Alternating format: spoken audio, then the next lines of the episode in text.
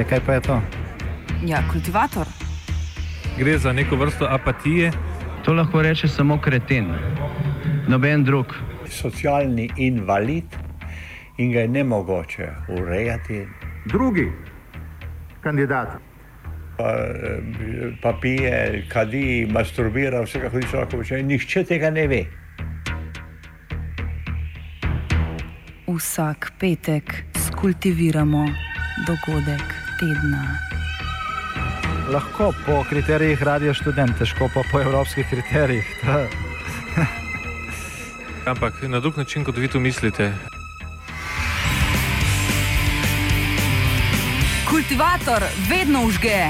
Da pač nekdo sploh omenja probleme, ki so, in da pravzaprav sploh nekdo sproži dogajanje uh, v družbi.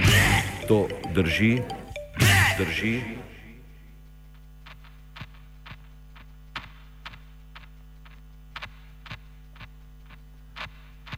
Ko notranje razprtije krojijo zunanjo politiko.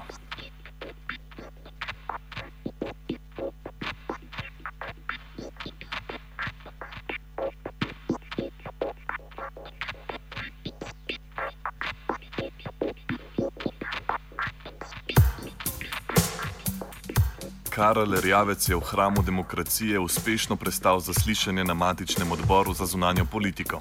Z desetimi glasovi za in petimi proti je bil potrjen kot kandidat za zunanjega ministra v vladi mandatarja Mira Cerarja.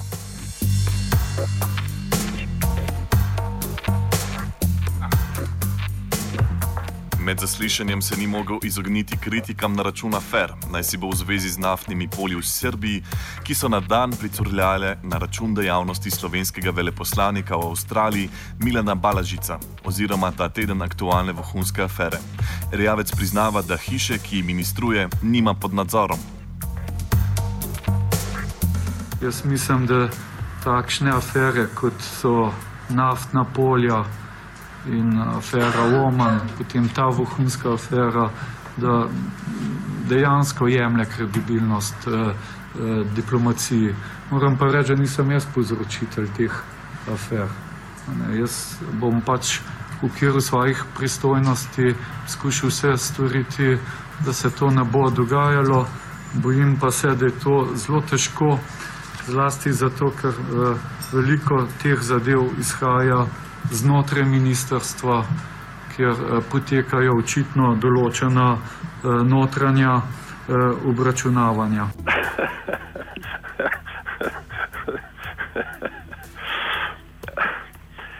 um, ja, zdaj jaz tudi mislim, da so da te dve aferi, tu ne gre za vprašanje kredibilnosti in nekredibilnosti slovenske zunanje politike. E, to, kar omenjate, seveda eh, najbrž drži. Ne? Torej, mi nimamo več tako visokih obiskov, eh, po drugi strani je pa res, da pa nikoli pa nismo eh, bili nekako aktivno eh, upleteni v razreševanje kakršnih koli konfliktov. Ne? Mi smo eh, bolj eh, sami konflikte ustvarjali, eh, kar je bilo čist eh, prav. Ampak eh, generalno seveda zadeva, zadeva lahko drži. Eh, jaz bi v tem primeru bi seveda rekel, da zunanja politika ne more upravljati kakšno drugo funkcijo eh, kot to, da je nadaljevanje notranje politike. Ne? In dokler imamo mi tako notranjo politiko, ki jo imamo, seveda, eh, kjer so pomembnejši eh, strankarski interesi, parcialni interesi, eh, torej, eh, lobistični interesi in drugi, eh, takrat seveda ne moreš voditi kakšno bolj drugačno zunanjo politiko, kot jo vodi naša država.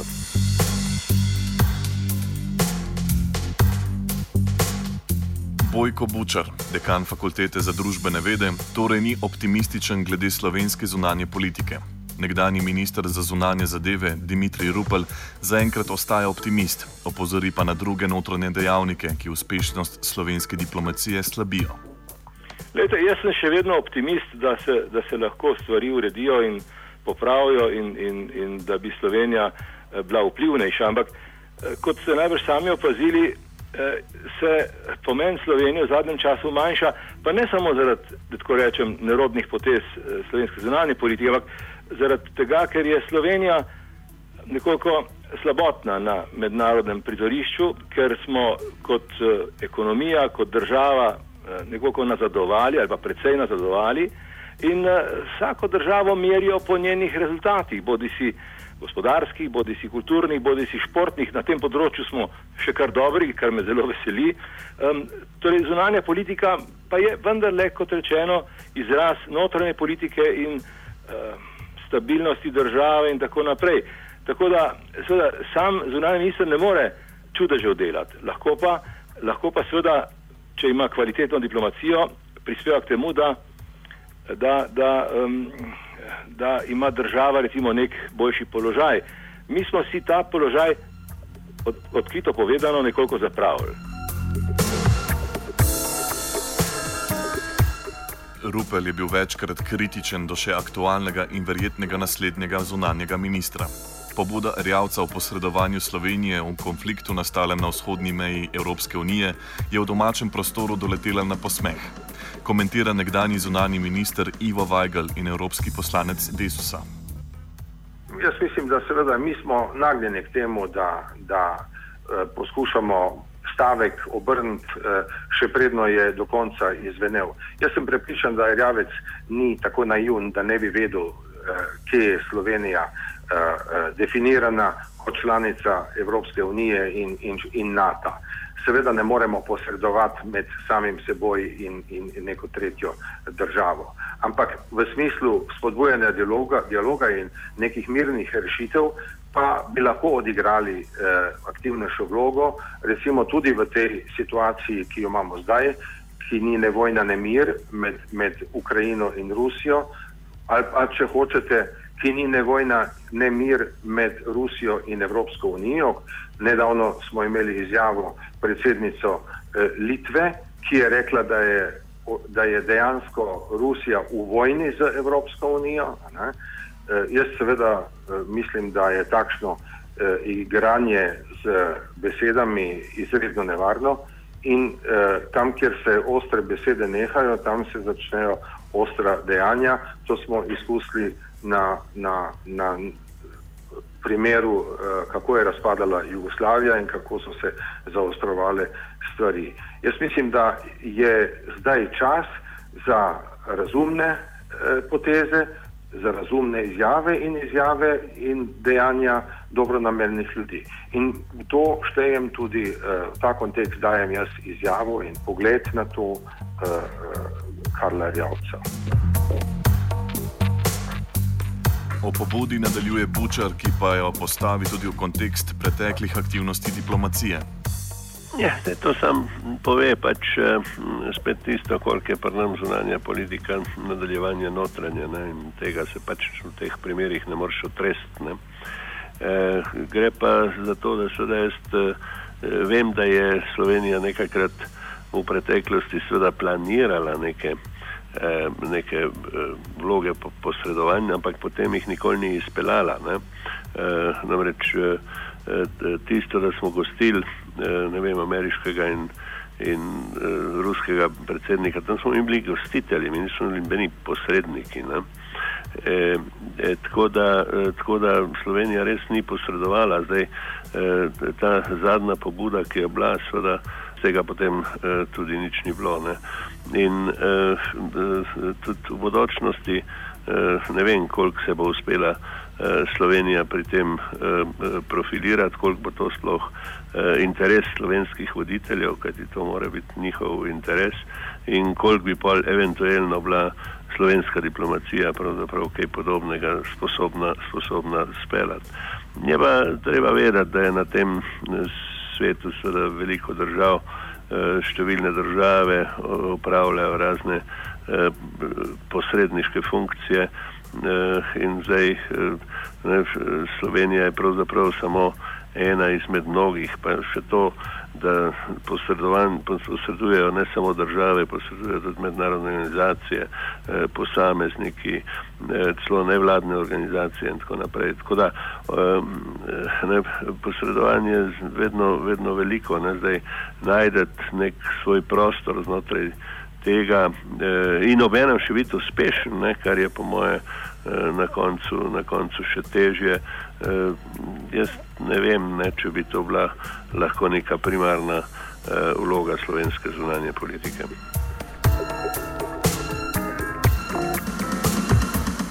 Slovenija očitno ni sposobna neposredniške, nič več niti gostiteljske funkcije. Kakšen pa je njen uspeh na gospodarskem področju? Erjavec je povdaril, da nova zunanja strategija, ki jo mora vlada še sprejeti, vključuje kar celo poglavje na to temo. Rupel. Naj vas spomnim na to, da eh, v bistvu eh, diplomacija vedno to počne in mora to početi in je vedno to počela. Zdaj vprašanje je, na kateri ravni to počne.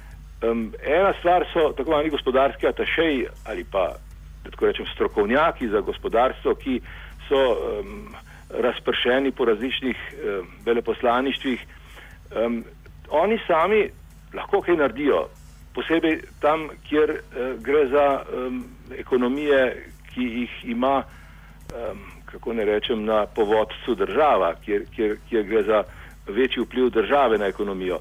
Vendar, um, če gre za normalne gospodarske odnose, prvič, um, ni mogoče, da bi zunanje ministrstvo delo, delalo posle, ne more, ne more se zunanje minister, um, kaj se vem, po, pogoditi za neko stvar, za nek posel, za neko pogodbo in tako naprej. On lahko samo um, odpira vrata vsem gospodarskim podjetjem v svoji državi um, in seveda uh, poskuša predstaviti možnosti, ki obstajajo.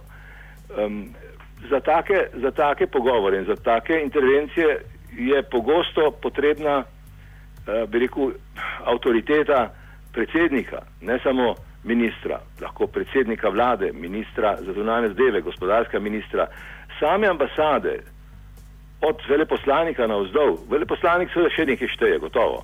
Ampak tisto, kar je pod veleposlanikom, je pa že, je pa že za, posebej če gre recimo za velike države, kot so Združene države Amerike ali pa Evropske države, je to že nekoliko, um, kaj ne rečem, um, sporno oziroma sogovorniki želijo imeti pred sabo na, na, na nasprotni strani, recimo, kaj sem predsedniki velikih firm v Nemčiji ali pa Ameriki ali pa kaj sem tudi v Rusiji, želijo imeti nasproti sebi sogovornike, ki imajo velik prestiž in za katere se lahko zanesejo, da bodo lahko izpolnili svoje napovedi ali pa obljube.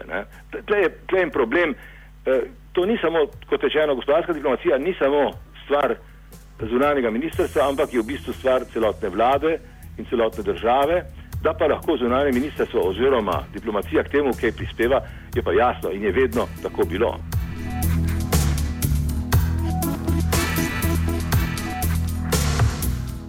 Aktualna afera v zvezi z veleposlanikom pri NATO Andrejem Benedejčičem mora biti kaže na to, ne toliko na izdajstvo slovenske diplomacije, temveč prej na schizofrenost zahodne, no tudi vzhodne, da ne izpustimo polske, politike do Rusije. Nadaljuje Weigl. Mislim, da smo zdaj prišli v, dejansko v neko situacijo, ki jo tudi ilustrira cela ta zgodba okrog, okrog uh, uh, ambasadorja pri slovenskega pri NATO, da obstaja neka želja po izganjanju čarovnic, da se poskuša nekim besedam ali pa pol besedam dati nek poseben pomen, da se poskuša ljudi uh, uh, klasificirati, kdo ni z nami, je proti nam in tako naprej. To so občutljive stvari in mi niso niti najmanj všeč. Uh, tudi mi ni všeč to, da pravzaprav barvo uh, uh, načrtovanju politik do, do Rusije, uh, politike Evrope, uh, dajejo uh, diplomati in politiki držav, ki so po naravi in po svoji zgodovini frustrirane za svojim odnosom do bivše Sovjetske zveze. Jaz vem, kaj pomeni njihovo izkustvo, bil sem tudi veleposlanik v vseh treh baltskih državah, vem, kaj se je dogajalo, na kakšen način so Sovjeti uh, uh, zatirali uh, uh, vse te narode, uh, da so še do 50 let, 50 let 10 tisoče pošiljali v Sibirijo in tako naprej. Ne? To so dejstva, ki jih ni mogoče spregledati. Vemo tudi, da je bila politika Stalinove Sovjetske zveze do Poljske eh, grozljiva. da je Stalin direktno od, po, uh, odgovoren za poboj uh, uh, tisočev in tisočev uh, Poljakov. Ampak mi se iz zgodovine ne moremo učiti samo na osna, osnovi uh, nekih uh, bolnih, bolečih izkušenj. Iz zgodovine se treba učiti tudi to, da se najde izhod, da se najde neka skupna pot, da se najde pot do miru.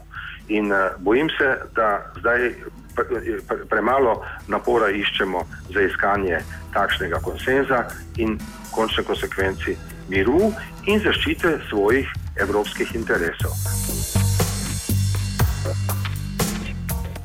Tudi Dimitrij Rupel ugotavlja, da je štafeto skupne zunanje politike do Rusije prevzela Poljska, pa tudi tri baltske države. Evropska unija nima enotne zunanje politike, marveč ima skupno zunanjo politiko. In ta skupna zunanja politika je neke sorte produkt dogovorov v, v, v, v Evropski uniji. Tam, pravi na sestanku ali pa na sestankih ali pa v okviru sveta za zunanje zadeve ali pa tega odbora za zunanje zadeve, bi morala Slovenija seveda uveljavljati neko svojo politiko oziroma neko svoje videnje. Kot ga uveljavljajo, jaz vidim, da recimo Poljaki in baljske države precej pritiskajo na to, da bi se evropska politika usmerila v tem trenutku precej kritično uh, v zvezi z Ukrajino in, in, in, in Rusijo in tako naprej. No, tu bi seveda mi morali igrati neko vlogo in tu bi se morali najbrž, da tako rečem, uh, udeležiti teh razprav na uh, neki primerni ravni. Ampak že spet um, se bojim, da, da je tukaj preveč improvizacije. Um, a veste, izjava o tem, da, da bi mi posredovali med Evropsko unijo in Rusijo, je eh, nekoliko nenavadna, zato ker mi moramo se pogovarjati v Evropski uniji in v imenu Evropske unije, recimo z Rusijo. Ne? Sami ne moramo veliko doseči, ker smo premehni, premalo premal pomembni in tako naprej. Torej, gre za to, da bi svoje ideje, če jih imamo in lahko bi jih imeli, tudi ne glede na mehkost in tako naprej, svoje ideje moramo mi plasirati v v, v, v tem, v tem uh, širšem uh, kontekstu.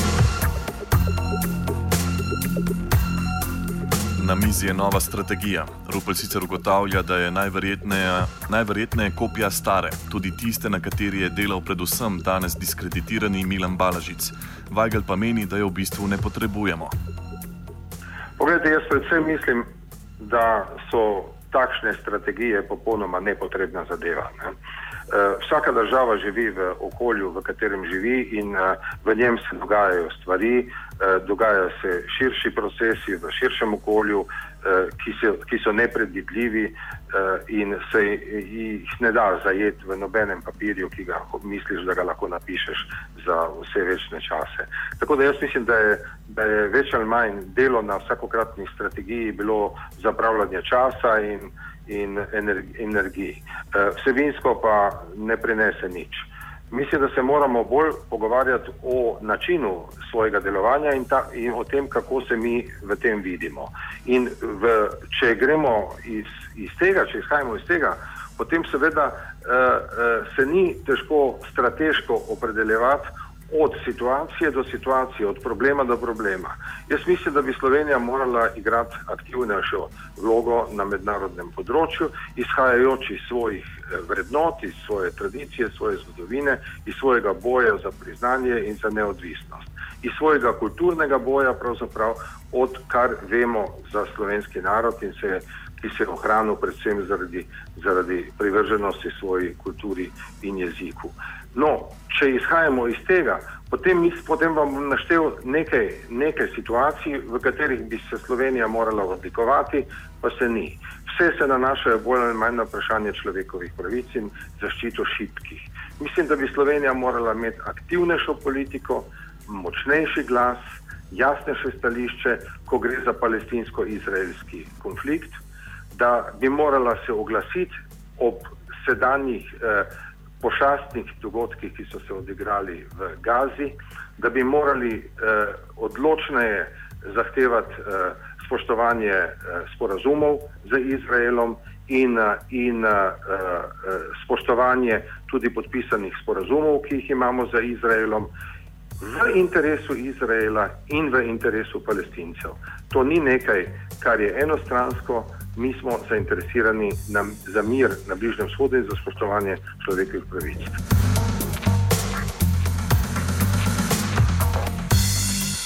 Eden od petih glasov proti zunanjemu ministrovanju Karla Erjavca na današnjem zasedanju odbora za zunanjo politiko je prišel iz opozicijske stranke Združena levica. V njenem imenu član odbora Matej Tašnar Vatovec. Predvsem zaradi tega, ker na tak način, kot je predstavil svoje nadaljne delo ali pa tudi preteklo delo kot ministr za zunanje zadeve, je bilo očitno in jasno, da se bo nadaljevala politika uklanjanja Zvezi NATO in Evropske unije, se pravi, da Slovenija ne bo zagovarjala svojih stališč v zunanje političnih zadevah, ampak bo nadaljevala pravzaprav neko to konsenzualno politiko, ki jo diktira Evropska unija in članice Zveze NATO. Kako pa se vam zdi, da bi morala Slovenija prispevati k tej skupni evropski zunanji politiki? Na kak način? Ja, predvsem pomembno bi bilo, da bi v Evropski uniji se pričela debata, ki bi bila uh, nekonsenzualna oziroma kritična. To pomeni, da danes smo konkretno izpostavljali problem uh, obsodbe uh, zločinov v Gazi, do katerih se Evropska unija ni opredeljevala oziroma nevidneje. Prav tako ni nobenih argumentacij oziroma drugačnih stališč glede ekonomskih intervencij do Rusije v primeru ukrajinske krize, ker tudi stvari niso tako enostranske, ampak so bolj interesne. Nasprotno od Združene levice, a iz opozicijskih vrst, je svoje mnenje, zakaj Karla Erjavca niso podprli, elaboriral Jožef Horvat, sicer predsednik odbora za zunanje zadeve in poslanec Nove Slovenije. Gre namreč za to, da v eh, podpisanem koalicijskem sporazumu dejansko ni natančno določene usmeritve zunanje politike nove koalicije. Jaz sem v sami razpravi tudi problematiziral, da v celotnem koalicijskem sporazumu ni niti enkrat omenjena besedica ali bolje rečeno kratica NATO. Vete, to je neko ne preveč dobro sporočilo vsem tistim, ne samo notranjim, tudi zunanjim, predvsem zunanjim javnosti, ki ta sporazum analizira, čita in tako naprej.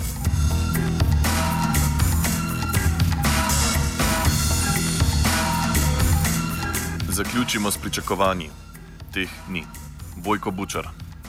Jaz seveda v tej eh, eh, naslednji, eh, torej po to, po to naslednjo vlado, ki smo jo dobili, pravzaprav ne pričakujem nobene, nobenih novosti na področju zunanje politike, eh, zato ker eh, seveda ostaja isti eh, zunanji minister. Eh, eh, drugo, eh, seveda najbrž bo vendarle pretežna pozornost te vlade na notranjih razmerah, ne, e, tako da bo e, zunanja politika nekje v drugem, drugem planu. E, in zdaj, to se nam lahko seveda tudi kdaj maščuje, ampak ni pa nujno, ne, tako da e, gre pa samo za to, da se mi zdi, da kakšnih sprememb, če bomo imeli strategijo ali pa če ne bomo imeli strategije, kakšnih sprememb v zunanji politiki ni za pričakovati.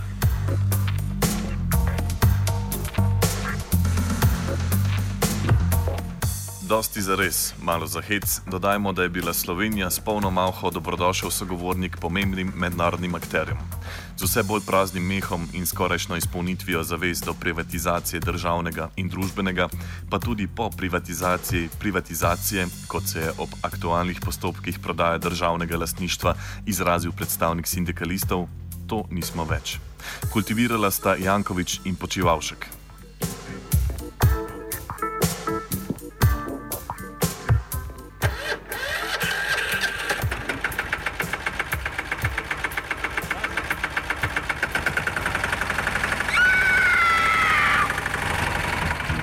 E, kaj pa je to? Ja, kultivator. Gre za neko vrsto apatije, To lahko reče samo kreten, noben drug. Socialni invalid in ga je nemogoče urejati.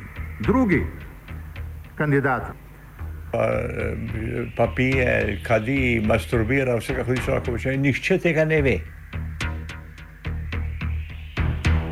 Vsak petek skultiviramo dogodek tedna. Lahko po kriterijih radio študent, težko pa po evropskih kriterijih. Ampak na drug način, kot vi to mislite.